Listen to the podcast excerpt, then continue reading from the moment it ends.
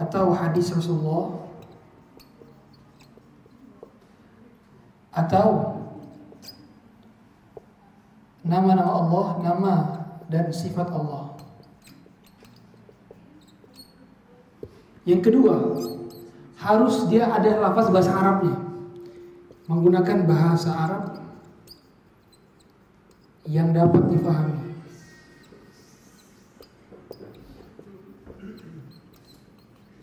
Ketiga, dia tidak boleh menyandarkan kesembuhan itu dari rukiahnya.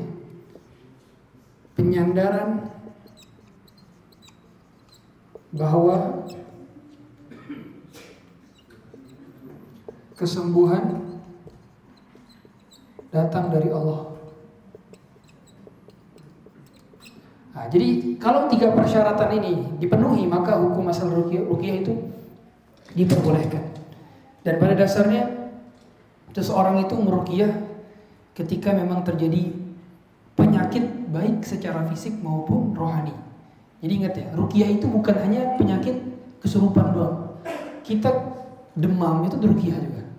Rasulullah itu merukiah diri sendiri dan beliau di antaranya sebagaimana hadis Aisyah ketika sebelum tidur ya jamaah kafaihi terus Rasulullah ngapain menggabungkan kedua tangannya kemudian baca apa baca tiga kul. Baca tiga kul kul al ikhlas al falak an nas kemudian tiup. Baca kemudian dari mana? Dari kepala dulu. Dari kepala terus ke bagian tubuh yang dapat dijangkau. Satu kali. Tiup baca lagi tiup lagi. Diulang apa? Tiga kali. Itu rukiah sebelum tidur pun begitu caranya. Dan ada beberapa macam apa namanya tata cara merukiah ya. Nah, sini akan saya sampaikan di sini. Jadi rukiah itu ada berbagai macam pengobatannya. Yang pertama, bisa kita merukiah dengan cara pakai daun bidara.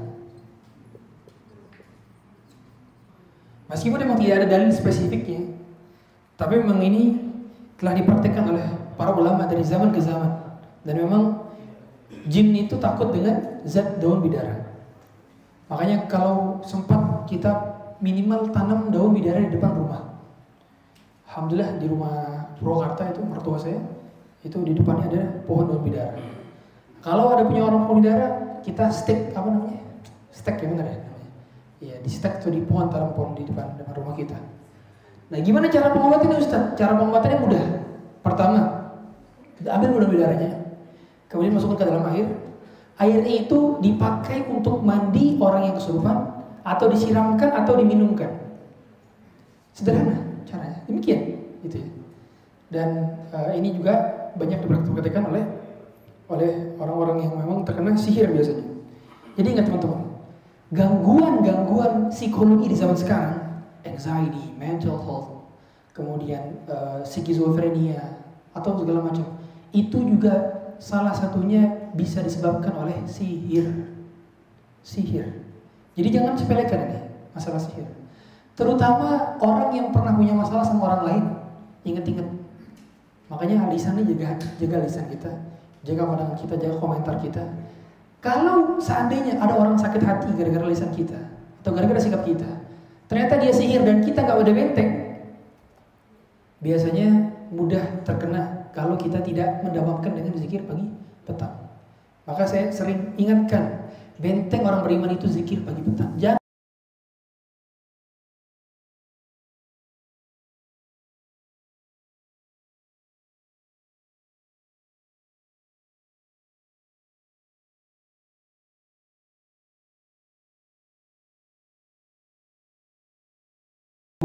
usahakan dari pada subuh sampai duha itu sudah sebelum duha sudah udah beres. La asa uh, petang itu pada asar sampai sampai waktu maghrib. Nah, bagi sebagian ulama bilang pada maghrib juga bisa gitu ya. Nah ini metode-metode rukiah semacam ini bisa digunakan. Ya.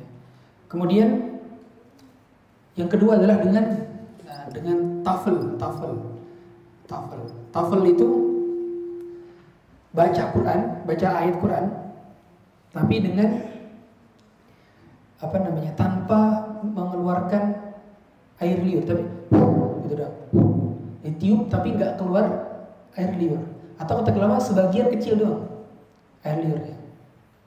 ya. Ada lagi nafas. Nafas.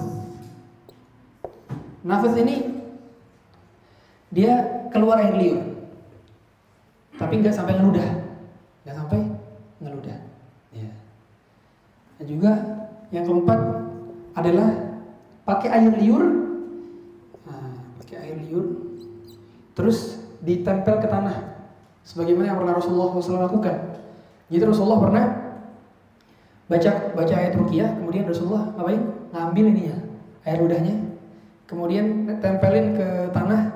Nanti dapat dapat sisaan tanah tersebut, Rasulullah kasih di tempat yang sakit.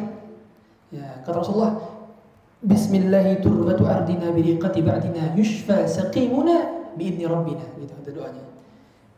Dengan izin Tuhan kami, dengan air liur kami, biriqati ba'dina.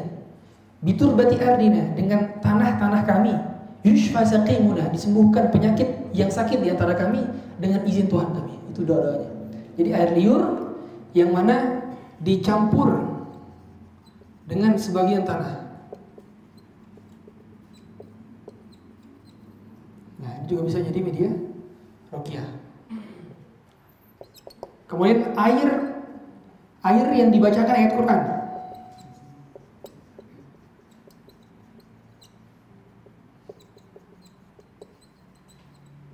Jadi air yang dibaca ayat Quran itu betul rukiah, itu rukiah, itu rukiah betul. Kita baca air Quran diminum, itu betul air rukiah. Itu sah sebagai rukiah. Dan ini tidak dipercaya oleh para ulama. Yang diperselisihkan itu kemarin apa? Hah? Ayat Quran ditulis, ditaruh di mana?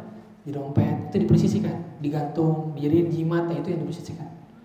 Ya, sebagai ulama khilaf itu. Tapi secara saya mengambil pendapat tidak diperbolehkan. Karena Quran itu fungsinya bukan buat dipakai jimat tapi fungsi untuk dibaca gitu ya dibaca uh, kita masuk ke dalam macam-macam sihir nah ini ini ini pengobatan rukiah nih ini macam-macam pengobatan rukiah jadi awal pertama kali rukiah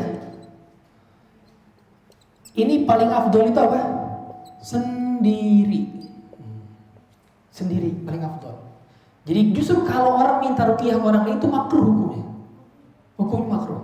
Sebagaimana kemarin kita sampaikan, ada 70 ribu manusia atau 70 ribu umat Rasulullah SAW yang masuk surga tanpa adab, tanpa hisap. Di antaranya apa? Pertama kemarin, humul ladila yastarqun. Mereka yang nggak pernah minta diruqyah.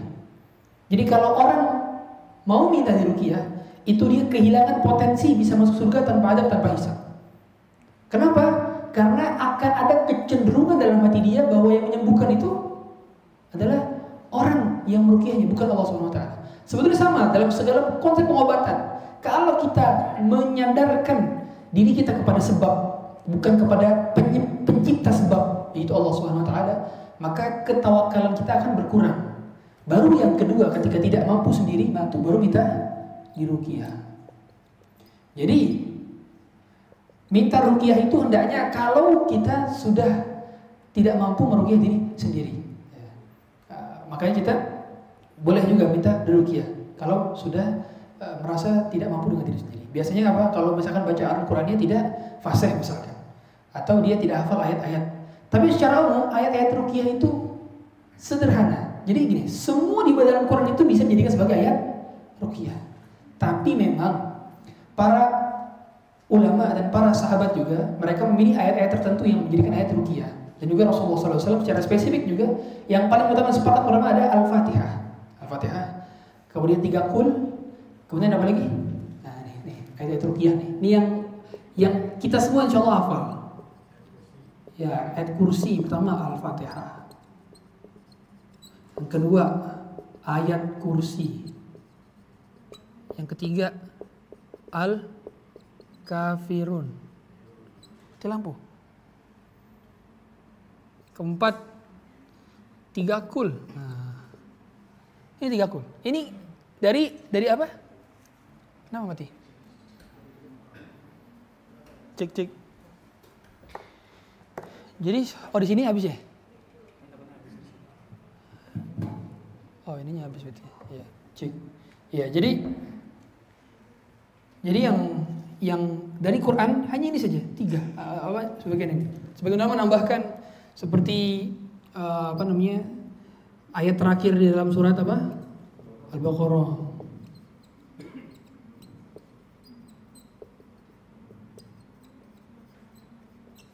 Kemudian juga ayat yang berkenaan dengan sihir wattabi'u ma ala mulki Sulaiman dan surat Al-Baqarah juga itu.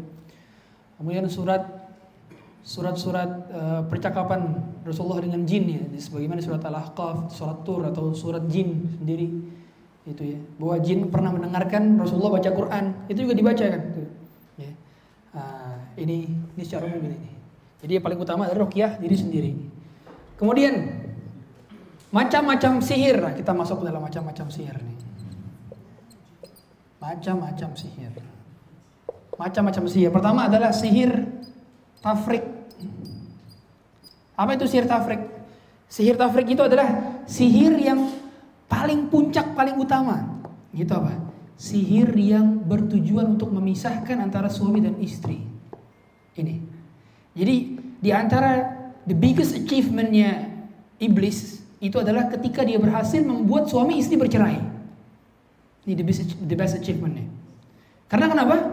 Karena ketika seorang pasangan sudah bercerai, ini akan banyak timbul apa? kemudaratan daripada dia. Bukan hanya bagi keluarga tapi keluarga besar, kemudian apa? Bagi anak broken home kita lihat banyak anak broken home itu berawal daripada orang tuanya yang bercerai. Nah, makanya um, puncak makanya dahulu dahulu apa namanya uh, di dihikayatkan ya bahwa memang pada dasarnya syaitan itu jadi gini nih ini kalau saya jelasin ya apa bedanya syaitan jin iblis apa bedanya siapa yang tahu? Apa bedanya syaitan jin iblis. Apa bedanya? Betul. Syaitan itu sifat. Jin itu apa? Makhluk. Jadi gini. Jadi gini. Nah, jadi makhluk itu cuma ada tiga kan? Apa aja? Manusia jin dan malaikat. Ini maksudnya makhluk-makhluk yang eh, apa namanya uh, Allah ciptakan. Yang Allah ciptakan yang memang dia beribadah kepada Allah. Sebenarnya semua makhluk beribadah. Cuman yang mukallaf itu mukallaf apa mukallaf? Mukallaf itu diberi beban. Uh, manusia dan jin nih, manusia dan jin. Ya. Nah, syaitan itu sifat yang melekat pada manusia dan jin. Makanya syayatinal insi wal jin yuhi ba'duhum ila ba'd. Itu ada kan? dalam surat ya, Al-A'raf. Nah, makanya jin di sini nah, yang menjadi syaitan, jin yang menjadi syaitan apa namanya? Iblis. Kalau jin yang enggak menjadi syaitan, jin apa? Jin muslim. Makanya jin juga masuk surga. Jin juga ada yang masuk surga. Ya. Ah, sebelum dihuni oleh apa? Dihuni oleh manusia di bumi ini, siapa yang pertama kali huni? Jin dulu. Allah menciptakan jin dulu, baru setelah itu diciptakan manusia. Nah, ketika diciptakan manusia, malaikat nanya kan? Ya kan? Kenapa nanya? Wahai Tuhan, kenapa engkau ingin membuat seperti apa namanya makhluk yang masih berpotensi memiliki kelakuan seperti jin gitu? Karena jin udah merusak bumi gitu kira-kira.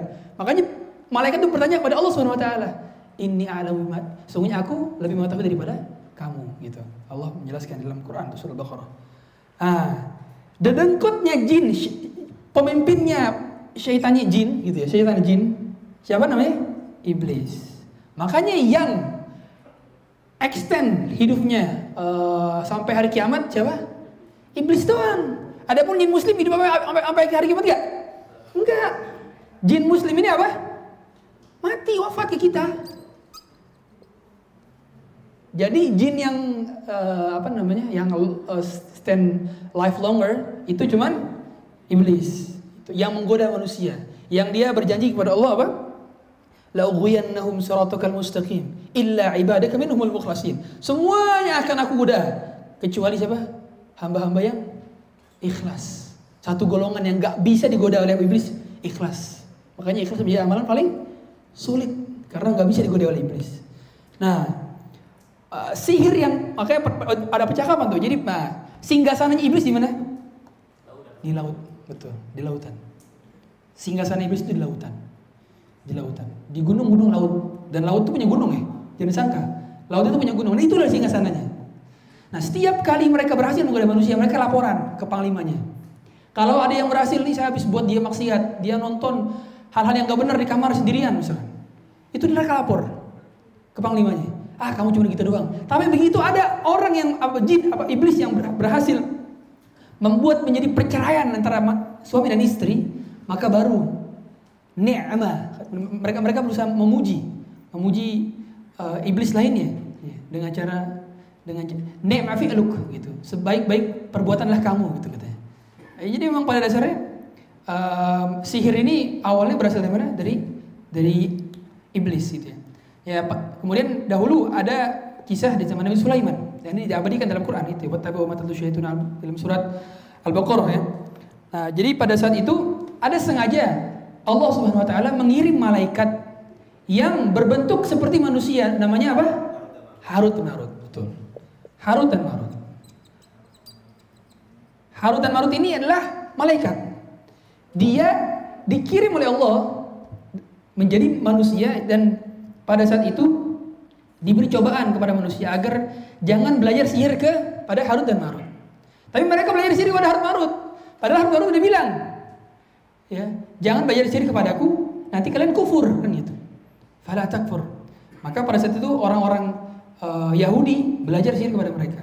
Nah, sihir-sihir mereka inilah yang sampai sekarang. Makanya kalau kita lihat magician, yang paling jago magician itu magician apa? Yang ada di darah Yahudi. Lihat.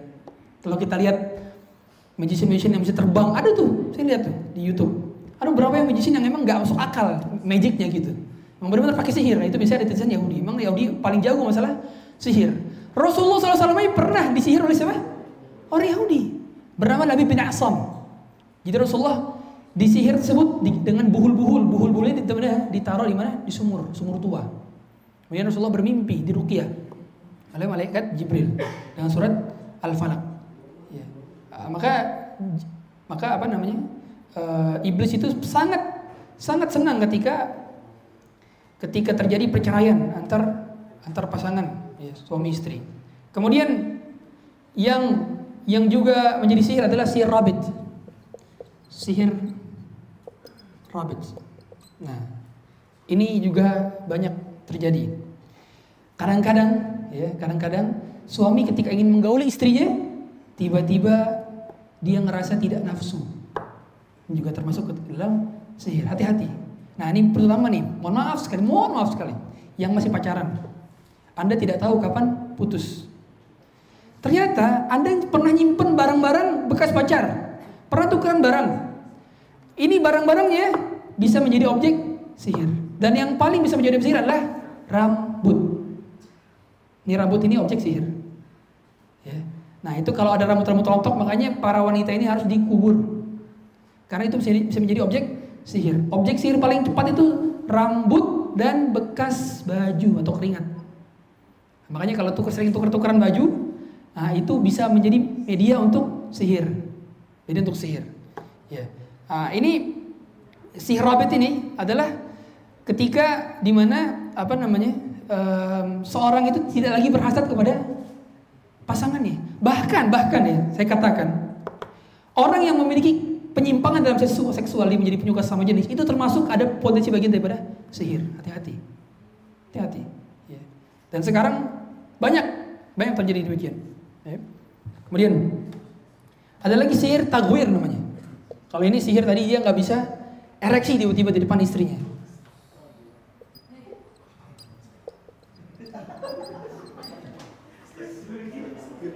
Sihir tagwir Sihir tagwir ini biasanya terjadi ketika apa? Ketika pas malam pertama. Padahal istrinya itu masih perawan. Tapi pas lihat tiba-tiba apa namanya selaput darahnya sudah robek. Dibuat uh, oleh syaitan menjadi sihir. Apa dengan dengan perantara sihir. Sehingga matanya tersihir seolah-olah dia sudah lagi tidak lagi perawan. Artinya ribut segala macam. Makanya kenapa kalau misalkan sebelum berhubungan baca doa, siapa yang udah hafal doanya? Angkat tangan. Eh? Masa nggak hafal doanya? Ya. Wajib dihafal itu. Yang jomblo juga harus hafal. Jangan sampai nggak punya ilmunya mau nikah. Siapa yang mau nikah kemarin? Coba udah hafal belum? Iya. Uh, iya bagus tuh. Iya.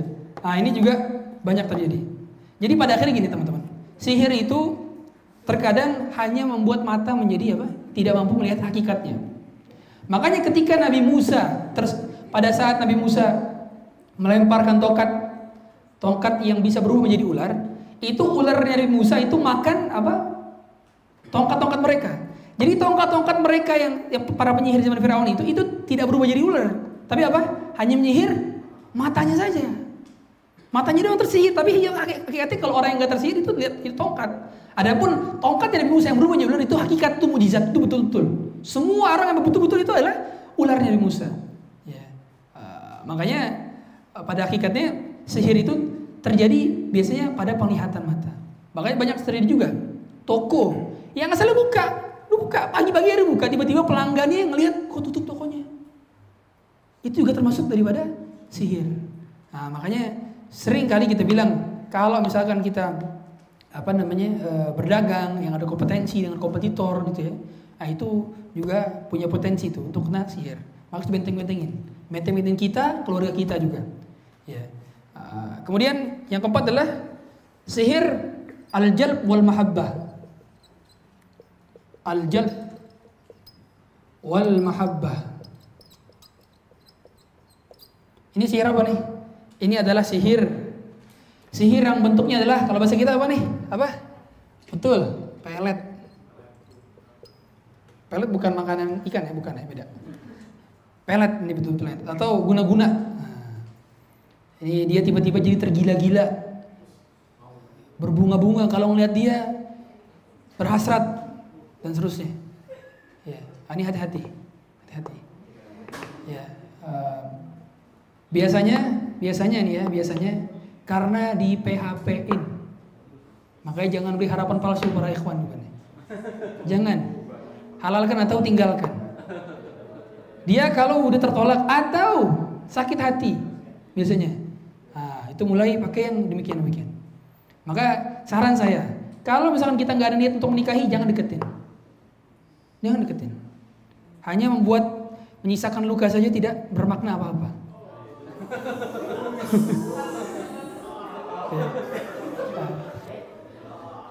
Kemudian sihir yang yang juga dapat menyebabkan kematian namanya sihir apa? Sihir qatl. Qatl. Nah, sihir al-qatl ini adalah sihir kalau bahasa kita apa namanya? Betul, santet. Jadi teman-teman sekalian, sihir itu hakikat dan memang dapat menyebabkan kematian. Jadi kalau ada orang Ustaz dia mati kena sihir, iya betul. Sihir itu bisa mematikan. Tapi itu atas izin Allah Subhanahu wa taala. Atas izin Allah itu. Ya. Jadi kalau orang bertahun-tahun sakit nggak sembuh-sembuh, udah berobat ke mana-mana, banyak tuh. Dia udah minum obat ini, udah ke dokter ini, sampai ke Singapura segala macam. Tiba-tiba pas di rukiah sembuh atas izin Allah Subhanahu wa taala. Itu berarti karena sihir. Ya, karena sihir. Banyak ini terjadi kayak gini. Dan biasanya, biasanya orang-orang yang mudah terkena sihir ini karena dulunya dia juga main ke dukun. Dulunya main ke dukun. Ya. Akhirnya masih ada sisa-sisa dalam tubuhnya. Uh, apa namanya? unsur-unsur kesihiran di situ. Kemudian yang keenam adalah sihir al-khitam. Nah, nih, sihir al-khitam. Ini yang tadi saya kami sampaikan. Ya. Orang ngelihat toko tiba-tiba tutup padahal buka. Ada tuh ada, ada kayak gitu. Ya, hakikat ini saya, saya, saya pernah mendengar sendiri eh, teman-teman saya dan mereka di kampungnya begitu. Ya. Jadi tokonya laris manis, tiba-tiba hancur penjualan selama setahun. Gara-gara setiap orang yang lihat tokonya tutup pagi hari. Eh ke mana toko tutup? Padahal buka. Itu sihir hitam. Nah biasanya nih kalau orang yang pakai sihir dia ngapain? Saya banyak banyak dapetin nih para pedagang-pedagang di pinggir jalan itu dia nyiramin air pagi-pagi. Ya, pagi-pagi disiramin air. Itu paling nggak kenapa-napa tuh disiramin air dong. Nah, bahkan saya dulu pernah iseng dulu. Jadi saya ibu saya itu dagang di kaki lima, dagang soto ingat saya banget. Nah jajaran itu itu bagang punya pedang-pedang, pedagang orang Jawa, orang Padang segala macam. Saya iseng-iseng lewatin situ, tiba-tiba saya nemuin kertas, isinya isim, ya. isim, tulisan-tulisan Arab nggak jelas. Ya. Mereka taruh di belakang di belakang meja-meja mereka, di kursi-kursi mereka. Ya. Nah, kemudian juga Ada namanya sihir Marsius. Mars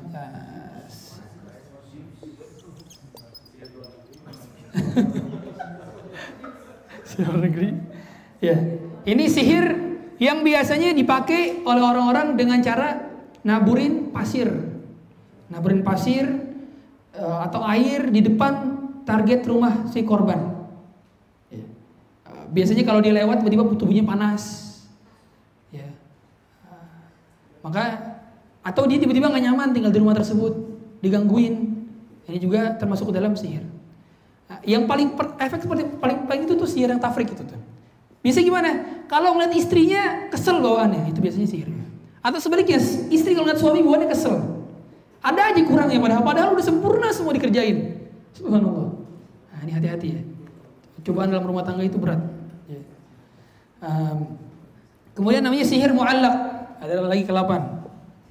Ada lagi? Oh, sebetulnya habis ada? Sebetulnya?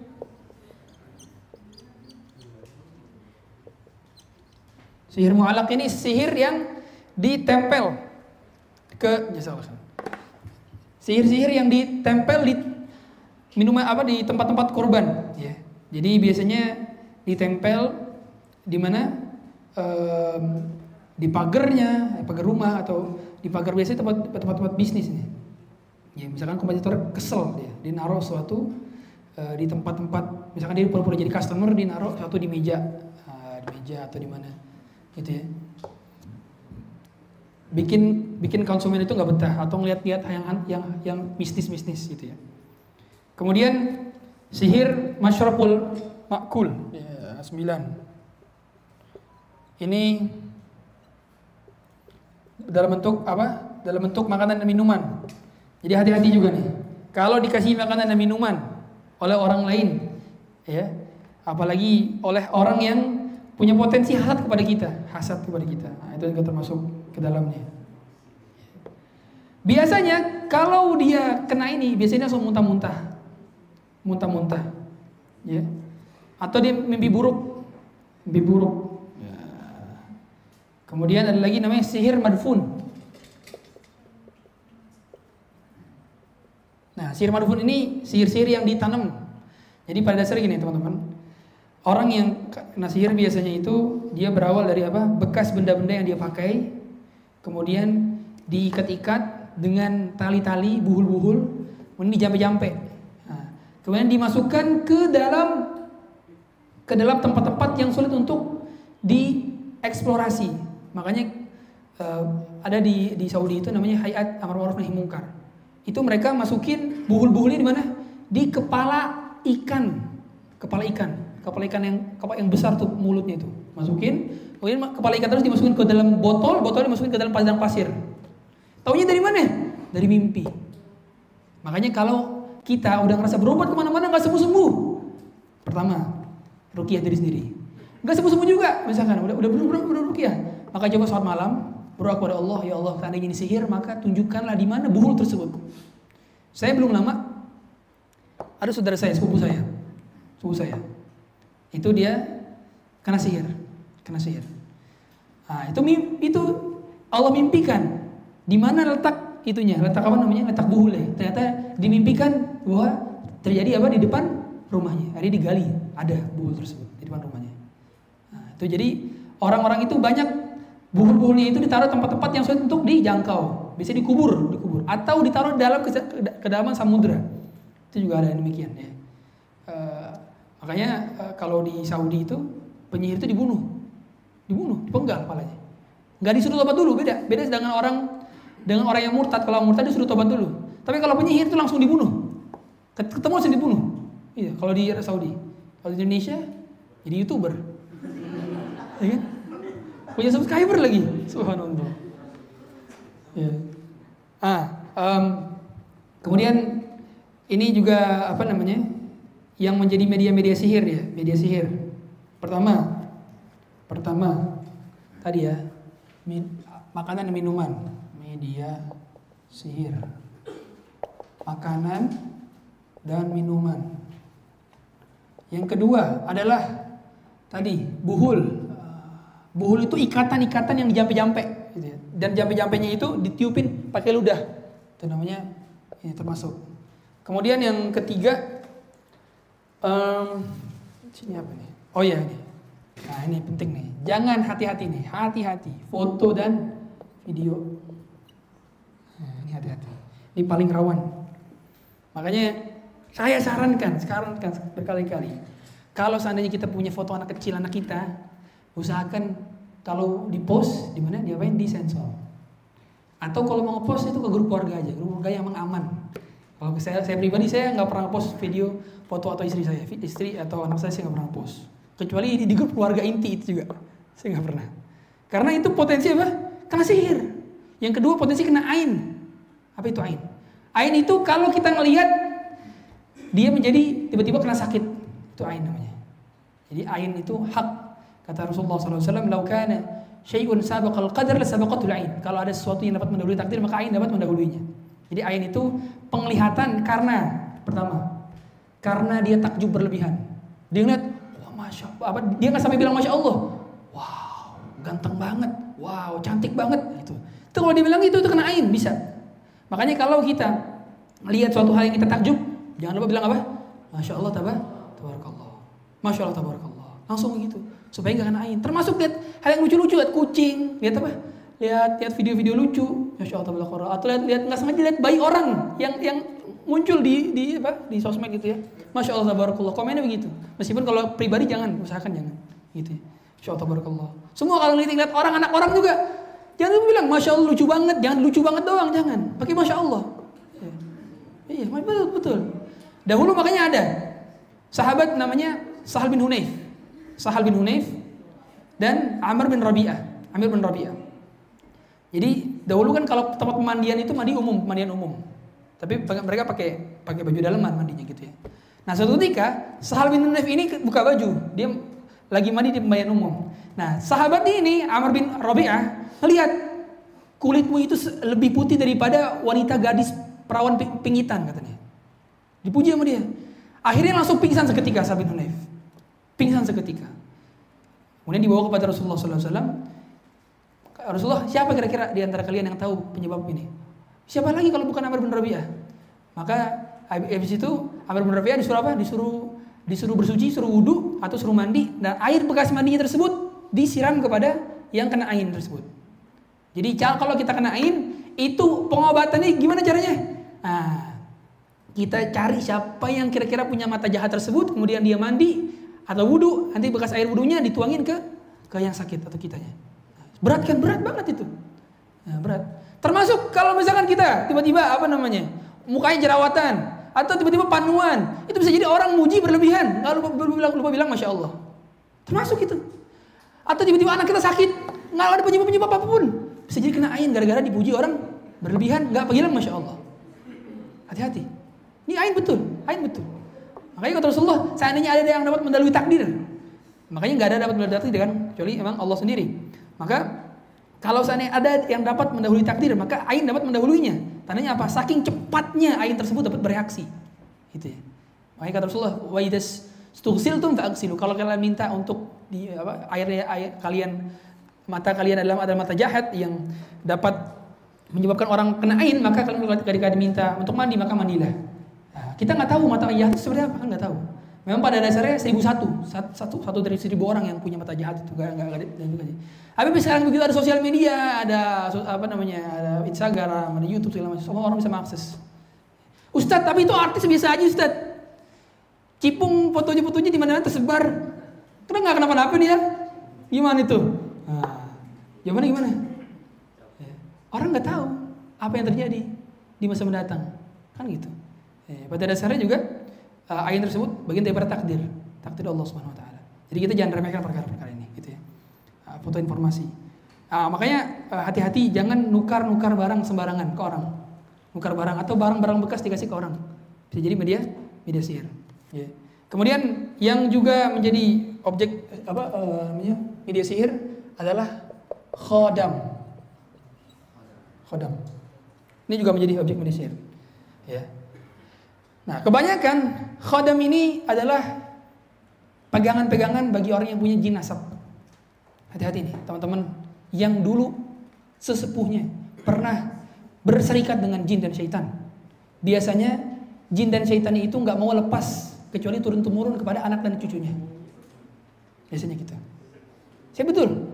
Dan biasanya orang yang punya jin asap itu dia bisa ngelihat setan. Indigo kalau bahasa kita. Dan perhatikan, indigo ini bukan kelebihan, dia kelemahan. There is weaknesses, not a strength. Bukan kelebihan, kelemahan. Jadi kalau orang punya indigo, segera dirukiah. Jangan didiemin gitu ya. Nah, biasanya dia bisa ngelihat yang begitu-begituan. Ya. Itu langsung ditutup penutup matanya itu ya.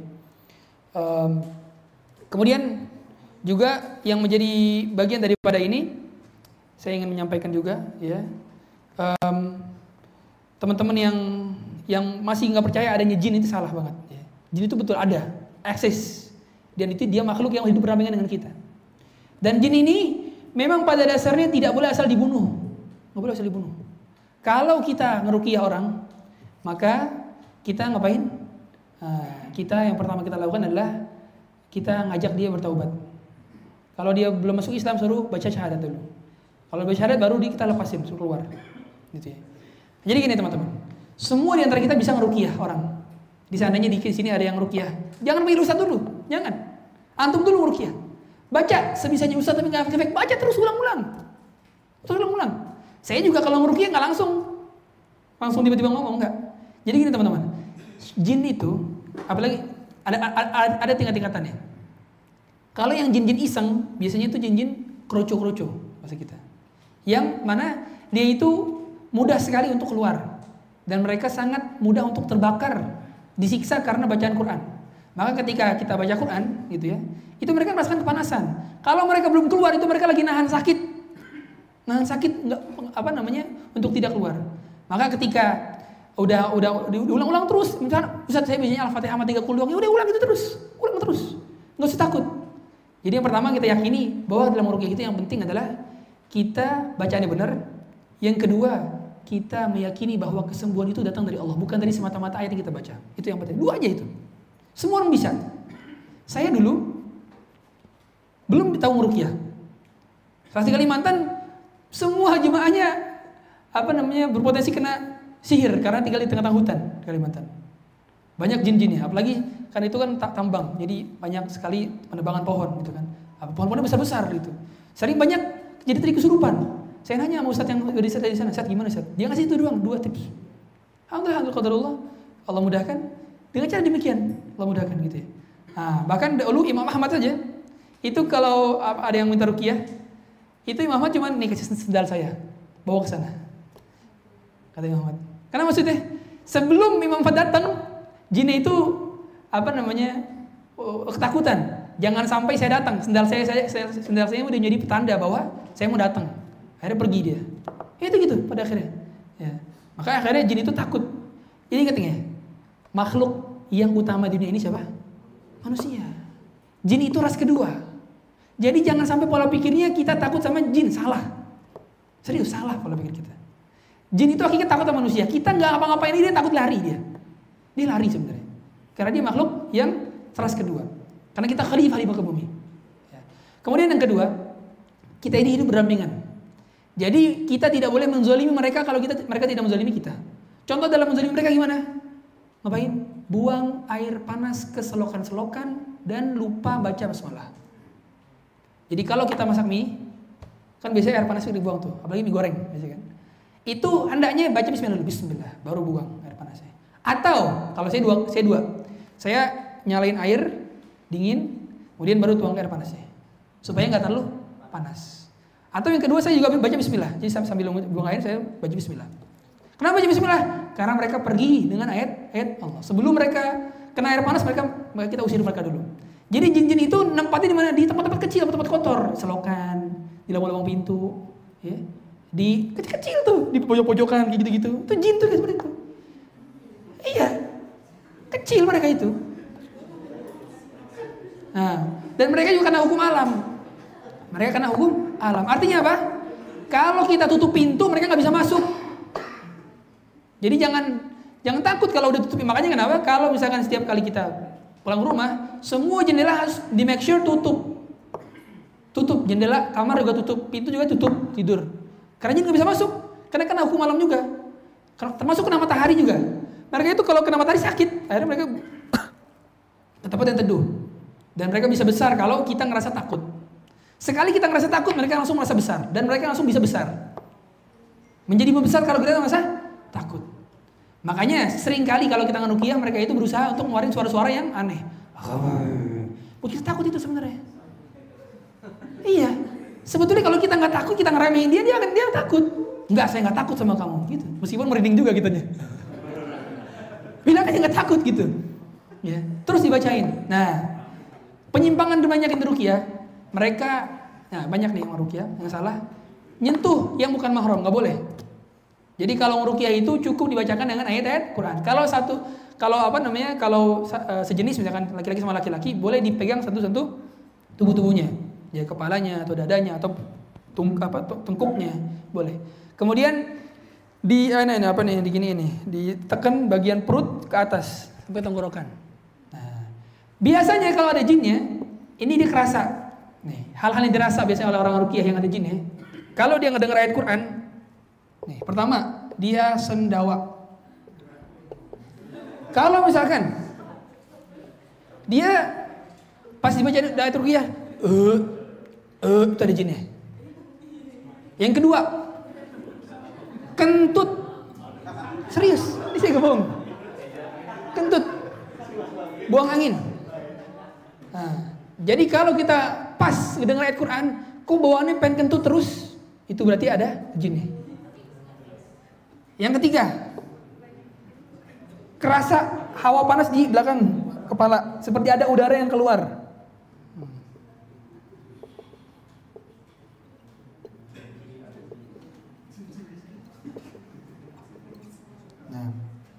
Dan perlu diingat ya, semua di antara kita itu punya apa? Jin? Jin apa? Korin. Ya, jin korin. Jadi setiap di antara kita itu punya jin korin. Bahkan Rasulullah aja punya jin korin. Rasulullah punya jin korin. Tapi jin korin telah masuk Islam kepada Rasulullah. Dan tidaklah menyuruh Rasulullah untuk kecuali untuk berbuat baik. Semua itu punya punya jadi setiap di antara kita itu punya korin dari malaikat dan korin daripada jin. Dalilnya apa? Dalil kalau malaikat dalam surat Ar-Ra'd ayat 11. Itu Allah sebutkan ya. Uh, yahfazuna minha. Uh, apa namanya? Allah mengirimkan malaikat itu untuk menjaga manusia. Kemudian jin korinnya. Ya, sama kalau misalkan yang seperti lihat di sinetron-sinetron tuh ya, tiba-tiba ada gambar dia yang satu kayak panas itu apa ya eh, ada tanduknya satu lagi seperti seperti malaikat itu betul itu kayak gitu itu kayak gitu perumpamaannya ya ada karinnya. Eh, makanya orang-orang yang yang apa namanya yang yang menyepelekan tidak ada jin. Ini nggak bisa dipercaya makanya dahulu dahulu yang pernah kita riwayat diriwayatkan juga oleh para, para para ulama ya. Jin itu bisa berinteraksi dengan manusia dan jin bisa menyukai manusia. Jin bisa menyukai manusia. Dan ini terharamkan bagi mereka dan juga terharamkan bagi manusia untuk mencintai mereka ada memang diriwayatkan banyak yang memang memiliki hubungan khusus dengan jin. Nikah dengan jin, punya anak dengan jin. Ya. Uh, ini tidak dibenarkan dan tidak boleh. Tidak boleh. Tidak boleh. Dahulu Rasulullah SAW pernah dibawa satu ketika hadis dari hadis Abdullah bin Mas'ud. Hadis riwayat Muslim, sahih ini, panjang hadisnya. Jadi suatu ketika Rasulullah itu hilang. Rasulullah hilang. Uh, kemudian sahabat mencari nyari-nyariin. Ternyata Pas ditanya, dari mana kau Rasulullah? Aku habis saja berbincang dengan jin, para jin. Ya. Kemudian jin menjelaskan, ya, apa namanya, uh, jin-jin tersebut didakwakan oleh Rasulullah SAW. Kemudian jin, jin tersebut menjelaskan bahwa makanan mereka itu dua. Apa makanan jin? Nah, apa? Betul. Raus dan tulang. Raus itu kotoran, kotoran binatang yang jadi kering-kering itu. Kotoran, kotoran hewan yang kedua adalah tulang. Nah, tulang-tulang. Ini makanan jin. Makanya kita nggak boleh apa? Kita nggak boleh memakai dua ini sebagai istinja. Nggak boleh. Istinja itu nggak boleh pakai apa? Tulang, kuku nggak boleh. Maksudnya kuku-kuku hewan yang itu nggak boleh. Tulang juga nggak boleh. Karena kuku bagian dari tulang. Kotoran hewan yang udah kering-kering nggak boleh pakai istinja. Karena ini adalah makanan jin. Ustaz, berarti kita nggak boleh Ustaz makan ayam tulang-tulangnya dihabisin? Gak boleh. Boleh kalau gitu, tetap boleh. Nggak ada larangan. Nggak ada larangan. Ya, apalagi tuh ambil tulang-tulang itu enak ya. Apalagi bebek itu, bebek tulangnya enak banget empuk. Ya. Itu nggak nggak itu nggak jadi larangan, nggak jadi larangan. Karena itu bagian jadi jatah mereka yang tidak boleh adalah hanya menjadikan sebagai apa? Menjadikan sebagai seorang uh, untuk istinja. Ya. Nah orang-orang terkena jin itu biasanya ada beberapa keadaan. Pertama dari sihir, yang kedua dari nasab, dari nasab. Ya. Biasanya ini kakek moyangnya orang sakti yang mati susah. Jadi kalau ada orang mati susah dia, udah dia berobat apa apa, apa udah di udah di udah di apa ya istilahnya udah berobat ke mana-mana tetap aja sakit gitu-gitu terus sakit menahun lumpuh bisa jadi itu karena dia punya jimat-jimat yang menghalangi dia dari apa dari kematian ya. Nah, barangkali itu juga apa namanya itu tuh bagian daripada apa nyawanya udah terangkat yang sisa di situ jin, jin apanya jin korinnya Makanya seperti kata seperti hantu mukanya ada. Nah, itu berarti barangkali bukan ini. Kemudian jin yang balas dendam. Jika orang bisa kena kesurupan karena jinnya balas dendam. Nah, jin balas dendam ini gimana? Tadi gara-gara dia uh, terzalimi oleh manusia, manusia tadi ya, buang air panas gitu. Atau yang kedua, pipis di tempat-tempat yang nggak baca basmalah. Makanya kalau antum buang air kecil di pinggir jalan, baca basmalah dulu. Tapi jangan pinggir jalan juga, nggak boleh pinggir jalan. Maksudnya kalau misalkan lagi darurat gitu ya, karena suka ada kita misalkan perjalanan trip panjang ya, kanan kiri hutan, baca Bismillah. Bukan bilang numpang-numpang, larang. Siapa yang bilang gitu nih? Oh numpang. Ya. Ini nggak bener. Justru malah membuat mereka apa? Senang, bahagia. Dikarenakan mereka dihormati. Termasuk banyak kesalahan juga. Kalau misalkan ada Jakarta itu namanya terowongan Casablanca. Tahu ya? Yang kalau lewat klakson tiga kali. Ini syirik. Syirik nggak boleh. Nggak boleh kita klakson. Sama aja menghormati dia. Ini besar banget dihormatin di klakson tiga kali. Baca Bismillah, Bismillah. Kalau bisa saya baca itu, gue baca ayat Quran. Biar pergi dari situ dia. Itu kenapa banyak setan di situ? Karena manusia mau mati dengan klakson tiga kali. Coba nggak dihormati. Mereka terhinakan itu. Kabur mereka. Ustaz tapi kan suka ada kecelakaan itu itu waswas syaitan. Gak ada kecelakaan itu kecuali izin Allah Subhanahu wa taala. Jadi kalau kecelakaan itu bukan gara-gara jinnya, tapi gara-gara izin Allah. Gitu. Iya. Gitu ya. Itu jin yang balas dendam. Kemudian jin yang jatuh cinta kepada manusia. Ini juga apa namanya menjadi penyebab daripada orang bisa kesurupan. Ah, hati-hati nih, hati-hati. Makanya para para para laki-laki perempuan yang biasanya memiliki wajah yang paras, tampan atau cantik itu bisa mulai potensi juga dicukai oleh jin. Jin, betul. Ya, bukan bukan jadi jelek-jelekin diri sendiri enggak, enggak bisa. Tapi maksudnya adalah kita hati-hati, hati-hati bahwa memang pada akhirnya orang yang memiliki kelebihan fisik itu biasanya memiliki potensi apa? Sihir. Baik orang yang menyukai dari kalangan manusia maupun jin. Nah, kemudian sebelum masuk kamar mandi baca Bismillah, kemudian baca apa? Allahumma inni a'udzubika minal khubuthi wal khaba'ith. Ya.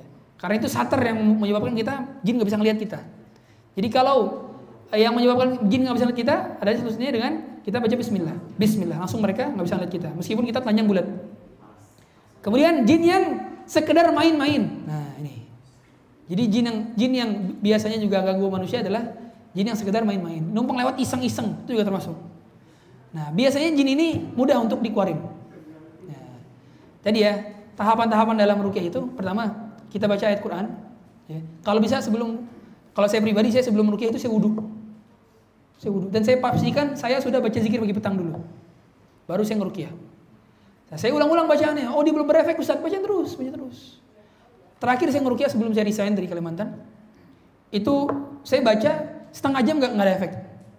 Nggak ada efek. 15 menit terakhir, waktu saya ngantuk-ngantuk baru mual-mual. Uh, uh, uh. Subhanallah. Ternyata saya bilang, ternyata dari tadi dia ngerasa kesakitan cuma nahan jinnya. Nah biasanya ada berbagai macam metode ya. Beberapa asatis itu pakai metode namanya iqamatul hujjah. Jadi dia ngajak jinnya bicara. Lalu bilang gini, jin, tolong kamu kuasai apa kamu pakai pergunakan lisan orang ini untuk berbicara. Nanti dia akan tiba-tiba berbicara. Nah baru ditanya tuh, kamu dari mana? Kemudian pada saat itu kita juga mengislamkan dia.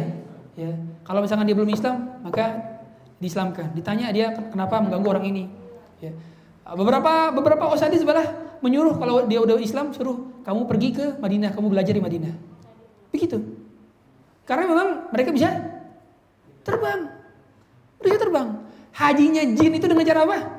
Terbang. Mereka terbang. Transportasi mereka terbang. Jadi mereka bisa pergi ke Madinah belajar ke ke para ulama-ulama di sana. Bisa, gitu ya. Uh, bisa, gitu ya. Uh, kemudian apa namanya? Uh, kalau yang di di apa namanya? Yang di rukiahnya adalah non mahram, suruh pakai mukena dulu atau suruh pakai pakaian yang menutup aurat. Ya, itu aurat. Dan dibacakan, dibacakan. Pakai sater kalau bisa. Ya. Uh, karena sering terjadi, sering terjadi banyak penyimpangan-penyimpangan dia nyentuh-nyentuh bagian tubuh yang bukan non mahram. Ini nggak boleh. Nggak boleh, ya. Ada modus-modus itu tidak boleh. Terkena sedikit pun nggak boleh. Ya. Bahkan banyak jadi pelecehan seksual. Gara-gara mentang-mentang yang kesurupannya cantik, wah dipegang-pegang, subhanallah. Nggak boleh. Ya. Ya. Nah, kemudian ciri-ciri, ciri-ciri nih orang yang terkena gangguan jin. Pertama, dia sering mimpi buruk.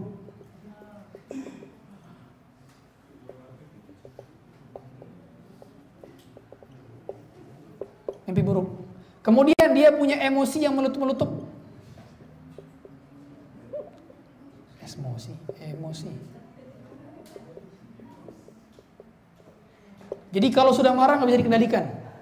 Nah ini juga termasuk termasuk uh, bagian daripada kena jin. Nah juga yang kalau mimpi ini biasanya mimpi apa? Dia mimpi melihat hewan buas, mimpi kematian, mimpi berzina, mimpi tenggelam, mimpi berada di bangunan yang kosong, atau mimpi bertemu orang-orang yang sudah meninggal. Nah itu juga termasuk. Ya.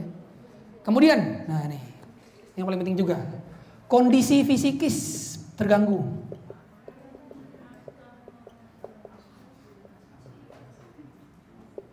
Ah, ini penting banget. Jadi kalau ada orang yang sering sedih tiba-tiba, nangis tiba-tiba, nggak ada penyebabnya, nangis, tiba-tiba nangis, sedih. Nah itu bisa jadi karena pengaruh jin. Kemudian dia tiba-tiba terjatuh ke dalam perzinahan padahal soleh. Tiba-tiba bermaksiat padahal soleh. Subhanallah. Nah, ini juga termasuk bagian daripada gangguan jin. Kemudian ketiga, dia was-was berlebihan, takut berlebihan. Takut kenapa-napa. Berlebihan takutnya. Kalau bahasa kita anxiety. Nah, juga termasuk berpotensi kena jin. Kemudian ada dia terkena penyakit aneh. Nah, penyakit aneh ini maksudnya gimana? Maksudnya adalah belum pernah ada penyakit tersebut, jarang penyakitnya dan ketika udah berobat ke dokter Allah memang tidak ada kesembuhan. Ya. Gitu ya. Uh, ini beberapa hal. Ya. Ya. Nah, intinya demikian sebenarnya ada banyak banyak lagi yang disampaikan. Cuman kata Allah udah terbatas waktunya. Ya. Mungkin kami sampaikan sini. Allah taala. Uh, ada uh, sesi Q&A apa gimana? Apa kuis? Jam 17.08 ya? Ada yang ingin ditanyakan? Oh. Yeah. Iya silakan. Oke, uh, ada yang ditanyakan yang pertama uh, itu kan media sihir ada uh, makanan, buku, foto, sama kodam. Nah, uh, bisa nggak lewat musik juga? Karena ada beberapa yang saya baca itu ada beberapa pemusik itu justru kayak liriknya nada-nadanya itu justru datangnya dari mantra-mantra sihir gitu. Bahkan mereka bahkan ada yang band-band itu yang udah kayak satanik banget lah kayak gitu kan. Dan juga ya eh, apa namanya tuh ya yang yang ya kayak gitulah. Bahkan konsernya pun juga banyak yang minum darah dan sebagainya benar penghambaan pada setan itu satu. Terus yang kedua ini juga saya ceritakan oleh istri jadi sekarang ini tuh di dokter-dokter itu terutama untuk yang bidang psikologi itu ada uh, treatment yang disebut dengan depth therapy jadi depth therapy itu uh, istri saya sampai protes itu ini kayak ini gitu ya? Jadi dia itu e, bentuk terapi untuk orang-orang yang memang punya trauma masa lalu. Nah, jadi terapinya itu dibangkitkan sampai akhirnya eh, efeknya adalah tadi ada muntah-muntah, mual-mual, sama cuman yang parahnya kalau kalau itu kan mungkin keluar ya cuman yang parahnya adalah keluar juga kata-kata kasar. Nah pas saya ngobrol sama istri kayaknya ini kesurupan jinnya gitu justru karena justru yang ada dibangkitkannya itu trauma masa lalunya itu kan kepengen diobati ya tapi ini yang ada malah jadi berefek negatif gitu jadi malah nangis sendiri dan sebagainya dan nggak ada di situ uh, disebutkan ada uh, apa namanya kalimat Allahnya di situ gitu nah itu kan Iya, betul ya. Jadi musik itu bisa jadi perantara media sihir juga paling utama. Makanya mengapa alat musik itu sebenarnya haram hukumnya. Musik itu sebenarnya haram hukumnya. Ya, ini ijma empat mazhab demikian berkata. Ya. Uh, termasuk apalagi kalau musik-musik yang genrenya satanik yang teriak-teriak kan gitu-gitu. Ada itu musik saya, saya juga aneh kok ada musik kayak gitu ya. Itu apa yang dinikmatin itu oleh orang gitu. Tapi ada aja penikmatnya. Saya bingung tapi bingung, kok ada penikmat ginian? Gitu ya. Ada termasuk ya.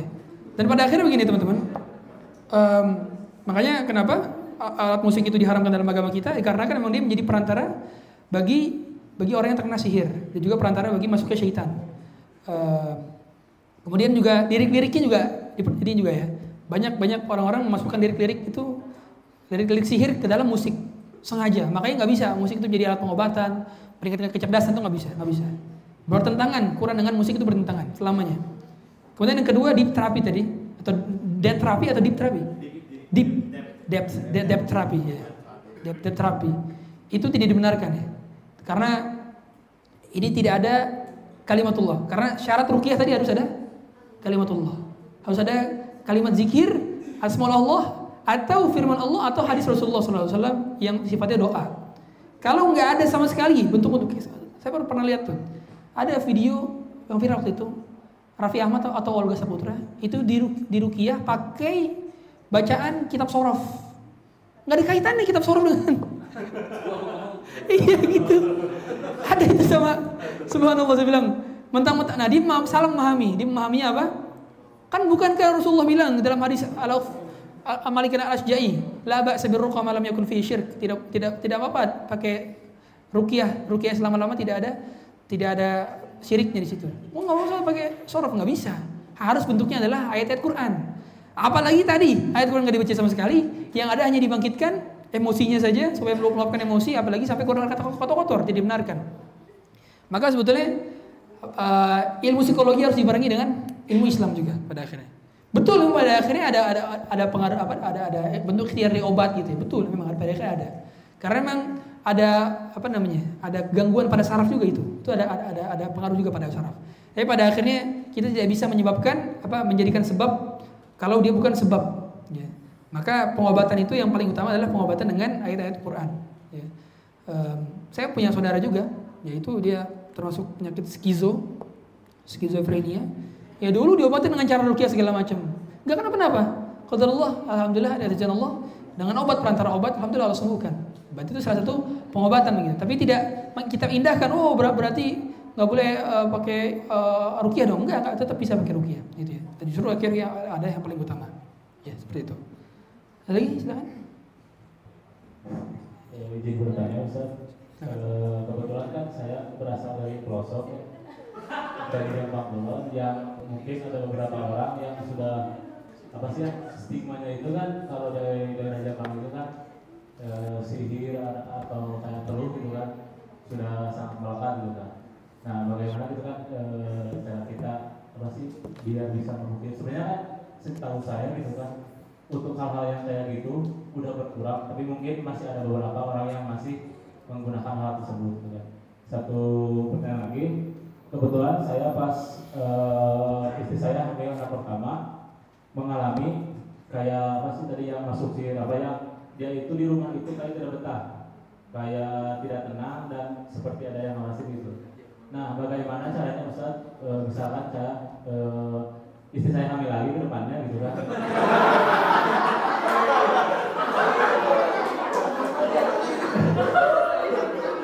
biar apa biar tidak kejadian seperti itu dan e, pas hamil anak pertama juga emang sama saudara saya gitu kan udah di Rupiah gitu kan dan emang ada gitu kayak bubur gitu Ustaz di belakang rumah gitu. Jadi emang e, bagaimana caranya biar ke depannya itu untuk anak kedua, ketiga dan selanjutnya tidak terjadi lagi. Terima kasih. Assalamualaikum Assalamualaikum. Iya, emang di sebagian tempat yang memang terkenal dengan kesihiran masyarakatnya, nah ini kita wajib hati-hati. Saya di, apalagi eh, sedikit ini kayaknya ya di Kalimantan itu kan tahu sendiri ya, uh, ada memang sebagian daerah yang memang uh, terkenal dengan mistisnya, sebagian suku ya, saya tidak menyebutkan secara spesifik, tapi ada suku. Di Jawa Barat juga ada seperti itu, di Sukabumi ya, bagian selatan berarti ya. Iya, selatan. selatan di bawah ya, lupa saya. Iya, itu juga itu. Kemudian di Pulau Jawa bagian ya bagian itu itu juga termasuk banyak itu ya. Nah ini bagi orang yang tinggal di sana hati-hati. Pertama hati-hati dalam bersikap, hati-hati dalam berkata, hati-hati dalam berucap. Nah, kemudian yang kedua sering-sering baca zikir bagi utang. Ini cara membentengi diri ya, membentengi diri. Kemudian kemudian yang paling utama lagi adalah kita merukiah anak-anak kita. Jadi Rasulullah itu pernah merukiah Hasan dan Husain. Kata Rasulullah, "Aidukuma bi kalimatillahi tammah min kulli syaitanin wahamah wa min kulli ainin lamah." Itu di antara rukiah.